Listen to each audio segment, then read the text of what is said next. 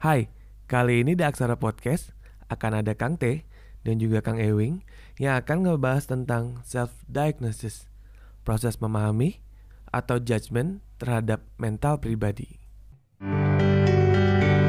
manusia tidak mungkin menjadi manusia tanpa ya.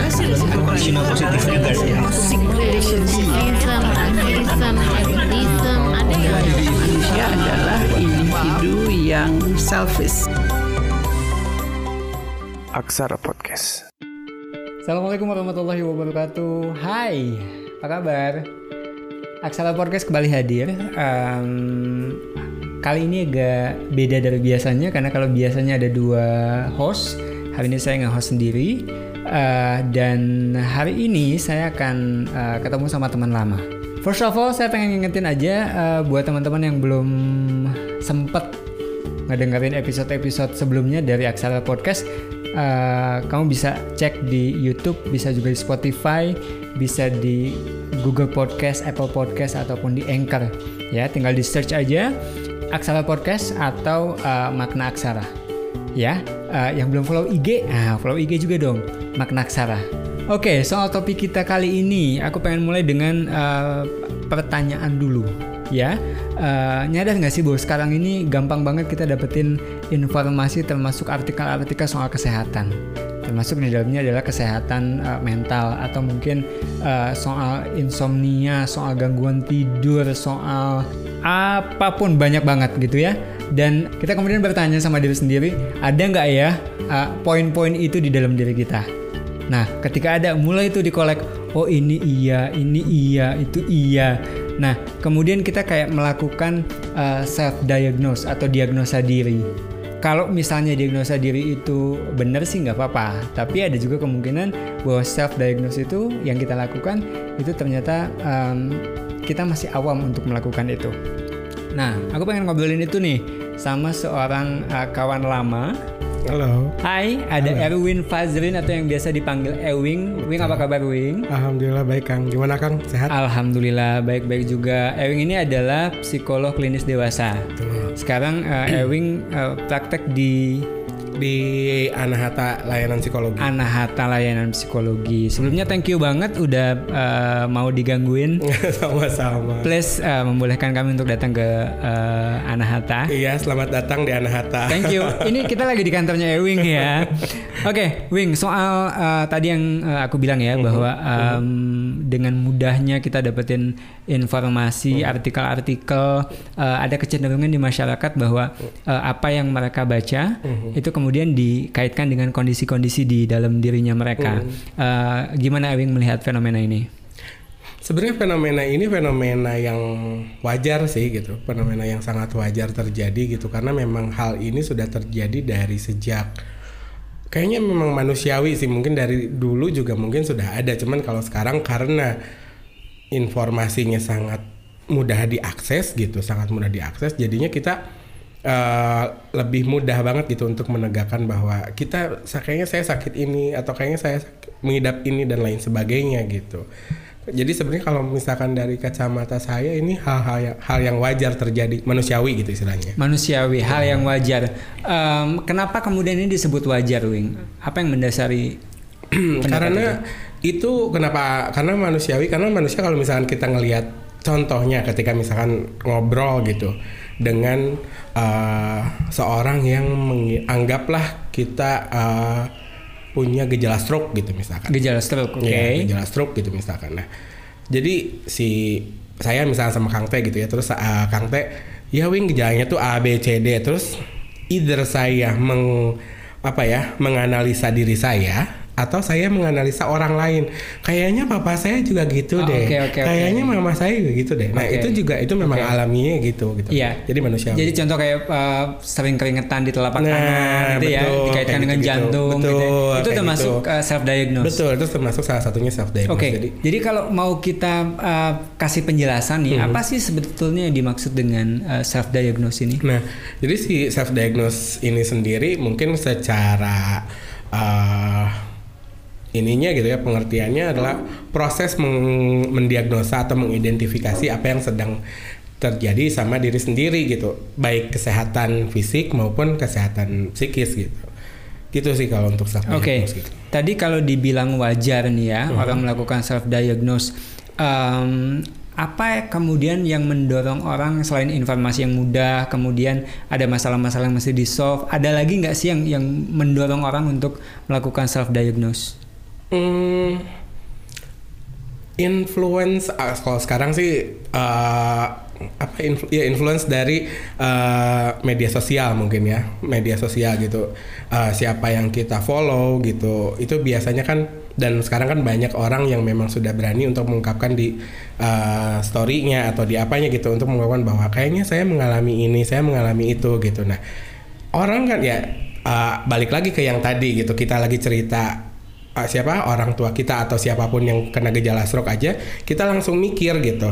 Jangan-jangan papa saya gitu jangan-jangan saya gitu jangan-jangan gitu. Nah Ah. uh, ini apalagi orang yang kita follow kita idam-idamkan gitu. Hmm, Tuh, duh ya gue kayaknya gue juga kayak dia deh. Kayaknya gue kayak gitu dia juga deh. Ah, Oke, gitu. Oke, karena gitu. faktor kekaguman juga betul. bisa jadi ya. betul. Oke, next question adalah soal em, apakah semua orang bisa melakukan self diagnose? Hmm. Self diagnose itu sebenarnya mungkin semua orang pasti melakukan hal itu. Semua orang Semua pasti orang. melakukan hal itu Mhm. gitu. Tapi menjadi berbahaya kalau misalkan nggak Ah, jadi self diagnose itu ada ada itunya gitu Kang, ada apa? Ada plus, ada negatif, ada positif, ada negatifnya. Oke, gitu. oke, oke. Kita bahas itu di di eh, nanti ya. Kita Oke, skip oke, dulu oke, yang oke. itu. Tapi eh, kalau misalnya dibilang semua orang bisa Mhm. melakukan eh, diagnosa eh, diri sendiri, Mhm. apa kemudian self ah, sorry basic condition Mhm. yang eh, membuat orang eh, bisa dan eh, apa namanya kemampuannya cukup Mhm. baik, ada juga mungkin yang bisa tapi biasa aja. Hmm.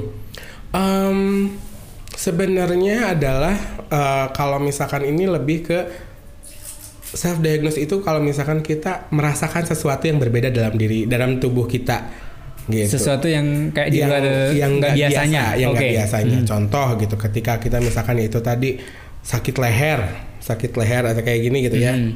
uh, pegal-pegal gitu. Kita kan bisa gejalanya itu kan dari mulai pegal-pegal kecapean sampai ke kolesterol tinggi Oke. gitu kan Ah. ya diagnos. Nah itu aja kita jangan-jangan kita ini, jangan-jangan kita itu, jangan-jangan gitu. Itu itu udah self diagnose gitu. Oke. Gitu. Ah. Jadi uh, lebih ke bagaimana apa ya? Mungkin ke kalau dikaitkan dengan psikologi sih lebih ke perasaan-perasaan yang berbeda gitu ya kayak semacam mood swing, naik turun perasaan gitu. Oke. Itu sudah bisa langsung jadi kayak kondisi-kondisi seperti itu yang akan menuntut seseorang melakukan bertanya, gua kenapa ya? Oke. Itu munculnya. Oke oke oke. Jadi mulai dari pertanyaan "A- aku kenapa ya? Iya, aku kenapa ya? Gitu. Dengan de- biasanya bi- misalnya biasanya bisa tidur jam 9 tapi sampai jam 11 Hmm. Betul. masih belum bisa tidur. Betul. Atau biasanya dicubit masih bisa menganggap bercanda Heeh. tapi tiba-tiba jadi kayak eh, Apa? mudah marah. Iya, Itu gitu. juga bisa bisa jadi sesuatu yang eh, menunjukkan there's something Iya, happen gitu iya ya. betul. Kok akhir-akhir ini kayak gampang banget tertrigger untuk marah kayak gitu-gitu. Ah, lebih senggol bacot Nah, gitu ya. gitu, Ah, iya. Oke. Dengan kata lain berarti bisa dibilang bahwa self diagnose dipengaruhi juga oleh kemampuan kita nge- nge- ngebaca atau peka terhadap Mm-mm. eh, alarm Iya, alarm tubuh. alarm tubuh Iya, ya. alarm tubuh. Oke Wing, Eh, sekarang aku pengen tanya sebenarnya batasan-batasan orang boleh melakukan self diagnose itu Hmm. apa aja? Oke, jadi mungkin sebenarnya kalau self diagnose itu terlalu ini ya, jadi terkesannya kita menegakkan diagnosa bagi diri kita sendiri gitu. Oke. Uh, yang tadi saya bilang wajar uh, dan manusiawi itu adalah ketika manusia atau kita gitu melakukan screening terhadap apa yang terjadi dengan tubuh kita, menganalisa gitu.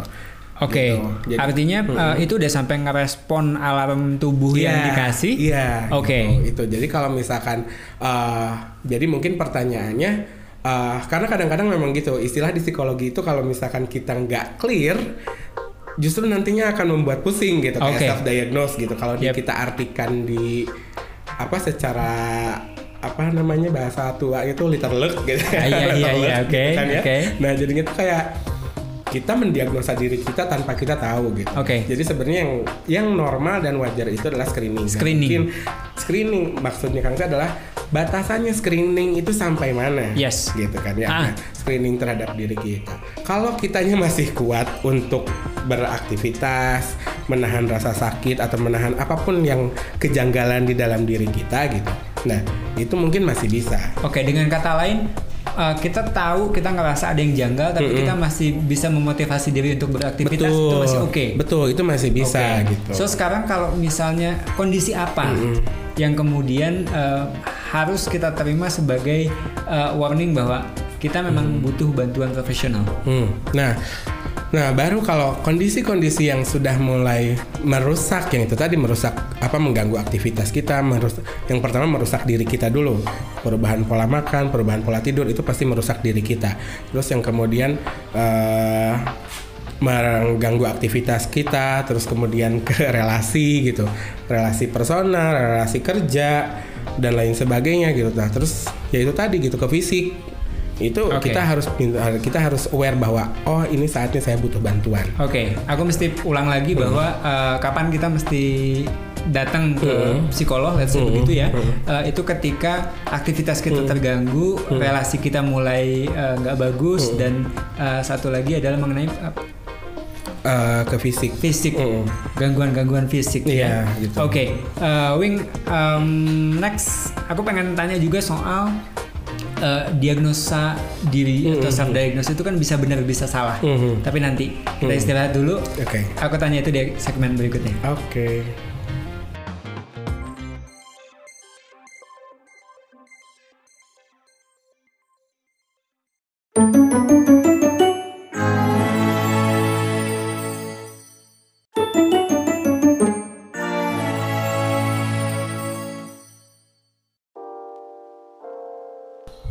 Oke, Wing, Halo. kita lanjutin lagi. Oke. Em, tadi sempat dibahas juga soal kemungkinan dari Mhm. self diagnose itu eh, orang awam itu akan mendiagnosa yang benar, tapi bisa juga yang salah. Hmm. Nah, eh, apa yang harus dilakukan untuk bisa mengevaluasi itu? Nah, em, sebenarnya mungkin aku klarifikasi lagi ya.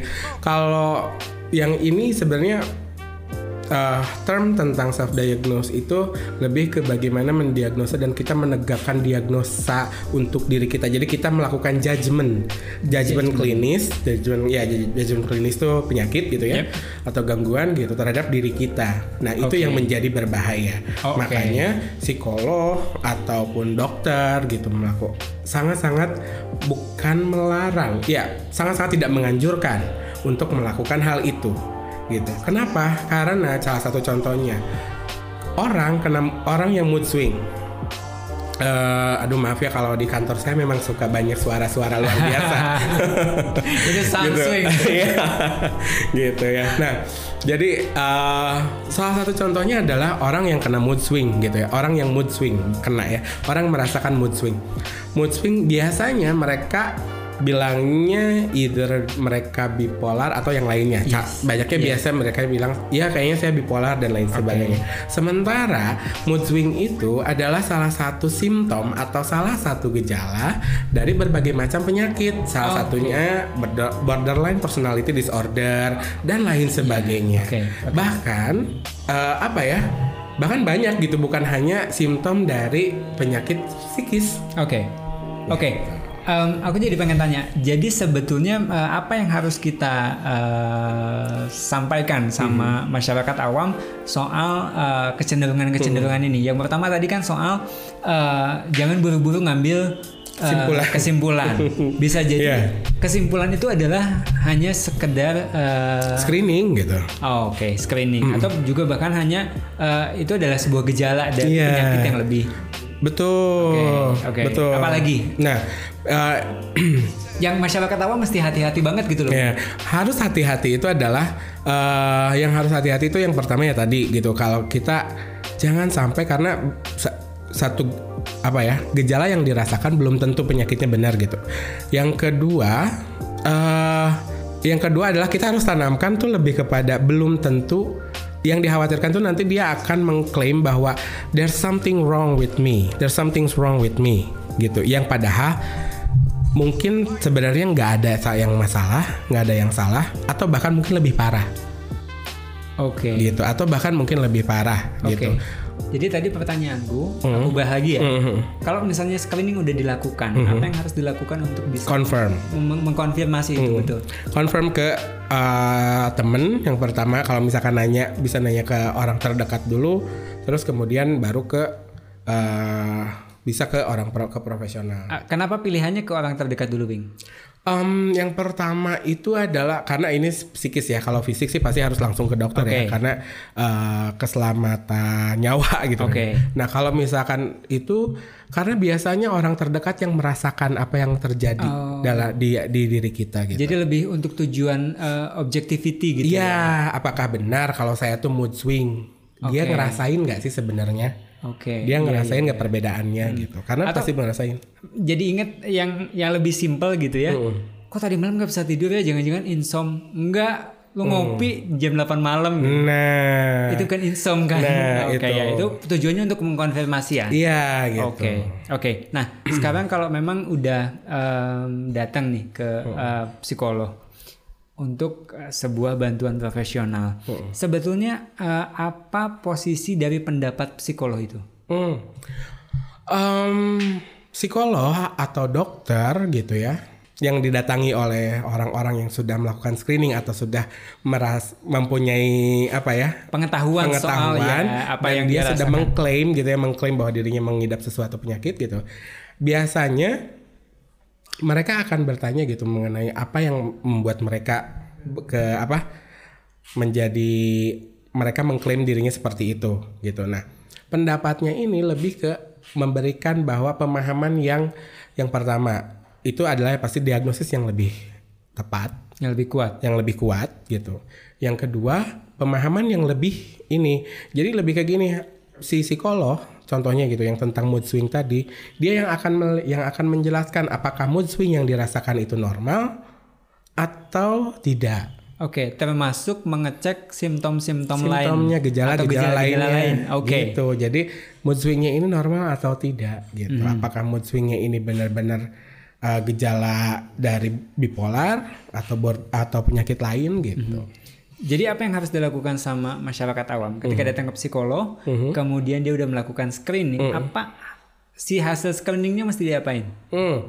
Eh, yang pertama adalah diceritakan gejalanya saja, bukan diceritakan mengenai kayaknya saya punya bipolar deh, kayaknya Oke. saya de- depresi deh. gitu. Oke, itu mesti di underline bahwa yang diceritakan bukan hasil screeningnya. Bukan. Tetapi Tapi gejalanya. gejala-gejalanya. Oke, jadi ceritakan ulang gejalanya ke iya, psikolog. Iya, Oke. ceritakan gitu. Jadi nanti apa psikolog atau dokter gitu yang akan bilang gitu eh, apa ya? Ya, si psikolog atau dokter yang nanti akan menjelaskan bahwa atau mengungkapkan bahwa eh, apakah gejala ini termasuk suatu gangguan atau tidak, Oke. normal atau tidak. Oke, apalagi yang mesti dilakukan? Terus ya kayaknya itu aja sih karena nanti untuk ke depannya apakah dibutuhkan treatment atau tidak itu nanti akan dijelaskan oleh sama sama si dokter gitu sama si psikolog itu sendiri gitu. Oke, ada nggak sih Wing klien gitu ya dari pengalamanmu Ya. yang dia udah screening, dia datang ya ke kamu, terus eh, diagnosanya benar, ah, sorry hasil screeningnya benar, terus dia nggak datang lagi misalnya. Hmm, kalau ini sih lebih ke kalau itu belum pernah. Oh belum pernah. Tapi Oke. kalau gini, dia mencari tahu langsung ke psikolog. Dia nyari tahu ke psikolog. Tapi setelah disebutkan, setelah misalkan dia diungkapkan bahwa dia menga- mengalami suatu gejala ini gitu, gangguan ini gitu. Nah, itu dia langsung menghilang dan dia melakukan treatment sendiri. Ah oke. Gitu kayak Oke. sebenarnya nggak masalah gitu. Sebenarnya ya terserah karena mungkin ya itu tadi gitu apa balik lagi ke kalau di dalam eh, ini apa di dalam kedokteran atau di dalam farmakologi ada placebo effect gitu. Ada apa placebo ya maksudnya kayak semacam kepercayaan gitu Oke. ada semacam suatu kepercayaan gitu. Nah, eh, nah terus udah gitu si ininya tuh kayak ternyata balik lagi justru sudah semakin malah bukan semakin parah ya parahnya itu adalah karena dia jadi waktu itu tuh gejalanya apa ya oh waktu itu uh, ada suatu kecemasan dia meng- mau menghadapi ujian. Gitu. Dia mau menghadapi ujian. Oke setelah saya state oh kamu lagi cemas menghadapi ini. Gitu. Nah kamu harus cari tahu cara bla bla bla bla gitu. Nah ini apa ya apa eh, saya lakukan konseling singkat saat itu gitu setelah saya ungkapkan apa yang ininya. Nah, saya minta dia untuk ikut eh, apa? Eh, saya minta dia untuk terus berlanjut gitu karena kalau dalam beberapa pertemuan gitu. Nah, tapi dia tidak bisa gitu. Dia tidak ti- dia kadang-kadang menentukan enggak ah saya enggak dia nggak mau lanjut gitu. Oh ya udah oke. gitu karena saya tidak memaksakan istilahnya gitu iya, ya. iya, gitu. iya. Nah, akhirnya dia memilih itu dan ternyata pas balik lagi justru dia semakin parah. Tadinya hanya cemas menghadapi suatu ujian dan ternyata dia jadinya eh, justru eh, apa ya justru malah lebih parah gitu. Oke. Karena sudah berdampak ke fisik, dianya jadi lebih sering apa tuh? Dianya udah kena GERD atau eh, mah hilang Oh, eh, oke, GERD itu yang mah apa mah mah akut ya itu. Yap, betul betul betul. gitu.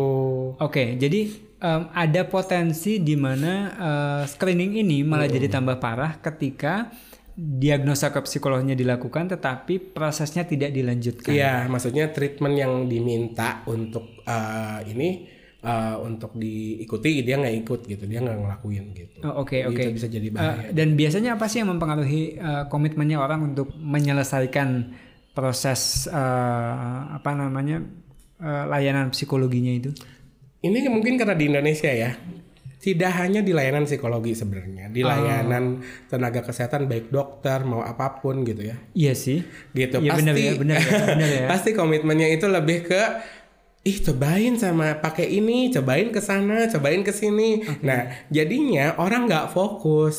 Oke. Orang nggak fokus gitu. Iya, salah satu contohnya saya, saya saya pernah share sama dok salah satu dokter di sini gitu. Jadi kayak iya, jadi ada satu orang yang awalnya dia hanya bukan gagal ginjal yang parah gitu ya. Dia hanya harus sebulan sekali eh apa cuci, Cuci darah, darah. gitu. Nah, tapi akhirnya dia tuh kayak semacam karena ini jadinya dia ngedengerin temennya Oke. gitu. Nah, jadi sebenarnya bukan ngedengerin temennya, itu yang mempengaruhi komitmen. Itu di Indonesia seperti itu kasusnya. Oke oke. Dengar kata orang. Mhm, mhm. Dengar kata orang. Kebiasaannya adalah berobat tapi eh, setelah gejalanya hilang check upnya jadi Itu juga. Itu juga kon- kontrol atau uh, kal- ya kontrolnya ya nggak ada kontrol gitu, nggak ada check up gitu. Itu juga yang ininya. eh, Sebenarnya kan di Indonesia kan jarang kan. Either uh, cek gigi aja. iya Kita nggak punya jadwal betul. gitu. Kalau udah sakit gigi baru Kalau udah sakit gigi baru kita itu. Oke. Gitu. Jadi sebetulnya eh, selain medical check up Mhm. dengan kata lain psychological check up juga harus dilakukan gitu maksudnya atau gimana? Bisa gitu kalau memang memang ada historinya Iya, gitu iya, ya. Kalau iya. memang ada historinya dan memang itu. Salah satunya adalah eh, ada beberapa kalau sekarang mungkin ini ada beberapa yang karena dia tidak mampu untuk cerita ke mana-mana, contohnya public figure atau apa gitu, makanya dia lebih memilih ke psikolog, Psikolog. atau ke mana gitu Oke. itu. Jadi itu lebih ini gitu. Oke, eh, normally nih ya, eh, mungkin dari pengalaman Ewing, eh, biasanya menghabiskan berapa lama sih sebuah proses eh, pengobatan? Eh, sorry, apa namanya? Treatment. Treatment, yes, treatment. Oke, nah kalau di beda mungkin ini ya, kalau bedanya di psikolog layanan psikologi gitu atau clinical psychologist kayak gini, eh, itu tuh beda sebenarnya mirip-mirip dengan dokter. Bedanya adalah kita yang harus kuat itu adalah komitmen si kliennya untuk datang lagi Oke. untuk datang terus mengikuti dan meng- menger- kalau ada PR atau homework gitu kayak uh, worksheet gitu-gitu nah itu komitmen dianya untuk melakukan itu Hmm, Oke. gitu jadi dan berapa Semakin lama komit, semakin- semakin komit bisa semakin cepat Oke. dan berapa banyaknya berapa lama termin apa ininya uh, sessionnya itu terga- sangat bergantung pada yang pertama diagnosanya dia sendiri yang kedua potensinya dia Oke, jadi Gitu. basic conditionnya Iya, banget ya, yang iya. yang memungkinkan dia menyelesaikan proses itu. betul gitu Oke, jadi eh, dan em, kapan ini disampaikan eh, ke klien? Kalau misalnya eh, mungkin beda-beda ya tiap klien, Hmm. iya. tapi pasti ada hitung-hitungan dong berapa pertemuan, berapa Iya, lama gitu. Betul. Oh, itu disampaikan di pertemuan pertama. I see. Di pertemuan pertama. Jadi kalau misalkan ada datang ini jadi cerita ke prosedur ya. Nah, kalau misalkan ada psikolog yang datang, eh, ada pasien Klien. yang datang ke klien datang ke psikolog, ke polipsikologi, biasanya eh, kita akan bertanya dulu apa yang mereka eh, harapkan gitu apa yang mereka rasakan. Terus apa yang sebenarnya mereka harapkan datang ke psikolog itu satu gitu. Terus eh itu dua terus yang kemudian kita akan lihat apa yang sebenarnya terjadi sama dirinya gitu. Nah baru kita akan memunculkan suatu hipotesis terlebih Ah, oke, dahulu. oke. hipotesisnya dia kemungkinan mengalami apa apa apa apa. Terus kemudian nanti hal ini akan Didalami lagi. Ya, hal Oke. ini akan uh, ada agreement namanya, ada prosesi agreement. Agreementnya ada berapa lama pertemuan gitu dengan teknik seperti apa gitu. Terus kesediaannya yang terutama sih ini kesediaannya untuk terbuka secara emosional dan mau karena rata-rata orang nggak mau marah. Orang menghindari marah, mengeluarkan marah. Oh ya? Ya. Untuk datang ini karena mungkin ya untuk atau marah atau sedih, nggak nangis, mereka lebih nahan. Apa arti dari eh, menahan, berusaha untuk tidak marah dan lain-lain Oke, gitu? itu mungkin nanti. Oh, Oke, baik, baik, baik. ya, kita Oh, prosedurnya oke. ya gitu. Jadi kayak jadi kita tuh prosedurnya komitmennya itu komitmen yang pertama yang ini harus adalah dia harus mau gitu emosi-emosinya dikeluarkan. Karena emosi ketika di psikologi itu naik turun sangat naik turun. Itu yang pertama.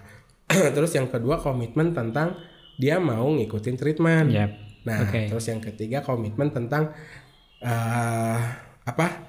Ya, oh enggak, ketiga itu nanti kita akan ngomongin tentang masalah pembayaran dan lain sebagainya. Ah, oke, Gitu. Jadi sebenarnya kalau misalkan ini ini sekalian ini ya. Kalau misalkan orang-orang tuh mikirnya ke psikolog tuh mahal gitu ya. Se- tapi sebenarnya ada prosesi agreementnya. Oke. Gitu, ada prosesi agreementnya di situ, Oke. kesanggupannya. Dan kamu bisa pilih psikolog mana yang mau didatangi. Jangan langsung psikolog senior. Siapa tahu but kebutuhannya nggak di situ. Nah. Bener ya. Oke, Wing, thank you banget ngobrol-ngobrolnya. Aku dapat beberapa poin bahwa em, kita sebagai masyarakat awam, kami nih sebagai masyarakat awam, jangan sampai kejebak di self diagnose karena bisa jadi yang dilakukan itu baru tahapan screening, karena itu masih di level eh, diri sendiri. Iya. Dan kalau misalnya setelah dievaluasi ada dampaknya ke activity, ada dampaknya ke relationship, ada dampaknya ke uh, kesehatan fisik. Iya, betul. Baru itu uh, apa namanya mengindikasikan kita butuh bantuan profesional Betul, gitu ya. betul. Baru di situ bisa dilakukan uh, diagnosa. Nah, diagnosa dari uh, psikolog ini sifatnya bukan second opinion. Bukan. Tetapi justru itu adalah pendapat ahli yang Iya. uh, itu pun masih harus uh, didalami lewat proses uh, counseling Iya. atau treatment psikologi yang dilakukan. Em, mungkin itu sih yang bisa aku simpulin dari Iya. obrolan ini. Mungkin Ewing ada tambahan? Ya, um, ya betul. Tadi mungkin apa ya betul. Aku setuju banget gitu bahwa sebenarnya self diagnose itu bukan itu yang yang kak yang terjadi yang dilakukan oleh teman-teman sekarang gitu yang sebelum datang ke dokter atau ke psikolog gitu itu sebenarnya screening gitu. Oke. Bagaimana apa bahwa dia menjawab dia merasakan apa yang terjadi dalam dirinya gitu. itu belum diagnosa. Kalau diagnosa yang punya bukan kewe- ya yang punya kewenangan gitu karena mereka belajar itu adalah ya itu si Expert ya. expert Psikolog baik ya. dokter mau psikolog. Karena tidak hanya di psikologi dokter juga banyak gitu. Kayak gitu. Jadi hati-hati ke tertukar antara self diagnose dengan screening, Screening. terhadap tubuh Iya. Dan uh, pesan moralnya dari obrolan kali ini adalah jangan buru-buru menyimpulkan betul bipolar lah, uh, Depresi. depresi lah, apalah gitu ya. Iya. Uh, Jangan-jangan yang di uh, dijadikan judgement Mhm. itu baru sebuah gejala yang sebetulnya itu cuma salah satu aja. betul Ya Wing ya. Betul, iya, iya. Eh, ini adalah akhir dari episode kali ini. Sekali lagi Wing, thank you banget eh, sama-sama, berbagi ilmunya. Sukses dengan eh, praktek psikologinya Amin, di. Anahata. ya, makasih juga buat kamu yang udah ngedengerin eh, podcast episode kali ini. Dan jangan lupa juga untuk nonton episode-episode lainnya dari Aksara Podcast. Kita juga punya varian yang lain. Sekarang kita punya arisan, boleh ditonton juga atau uh, bisa didengarin juga uh, di Spotify, di Google Podcast, di Apple Podcast maupun di Anchor. Ya. Terima kasih sudah menyimak. Uh, kita ketemu lagi di episode lainnya. Saya Tia Maulana. Assalamualaikum warahmatullahi wabarakatuh. Goodbye.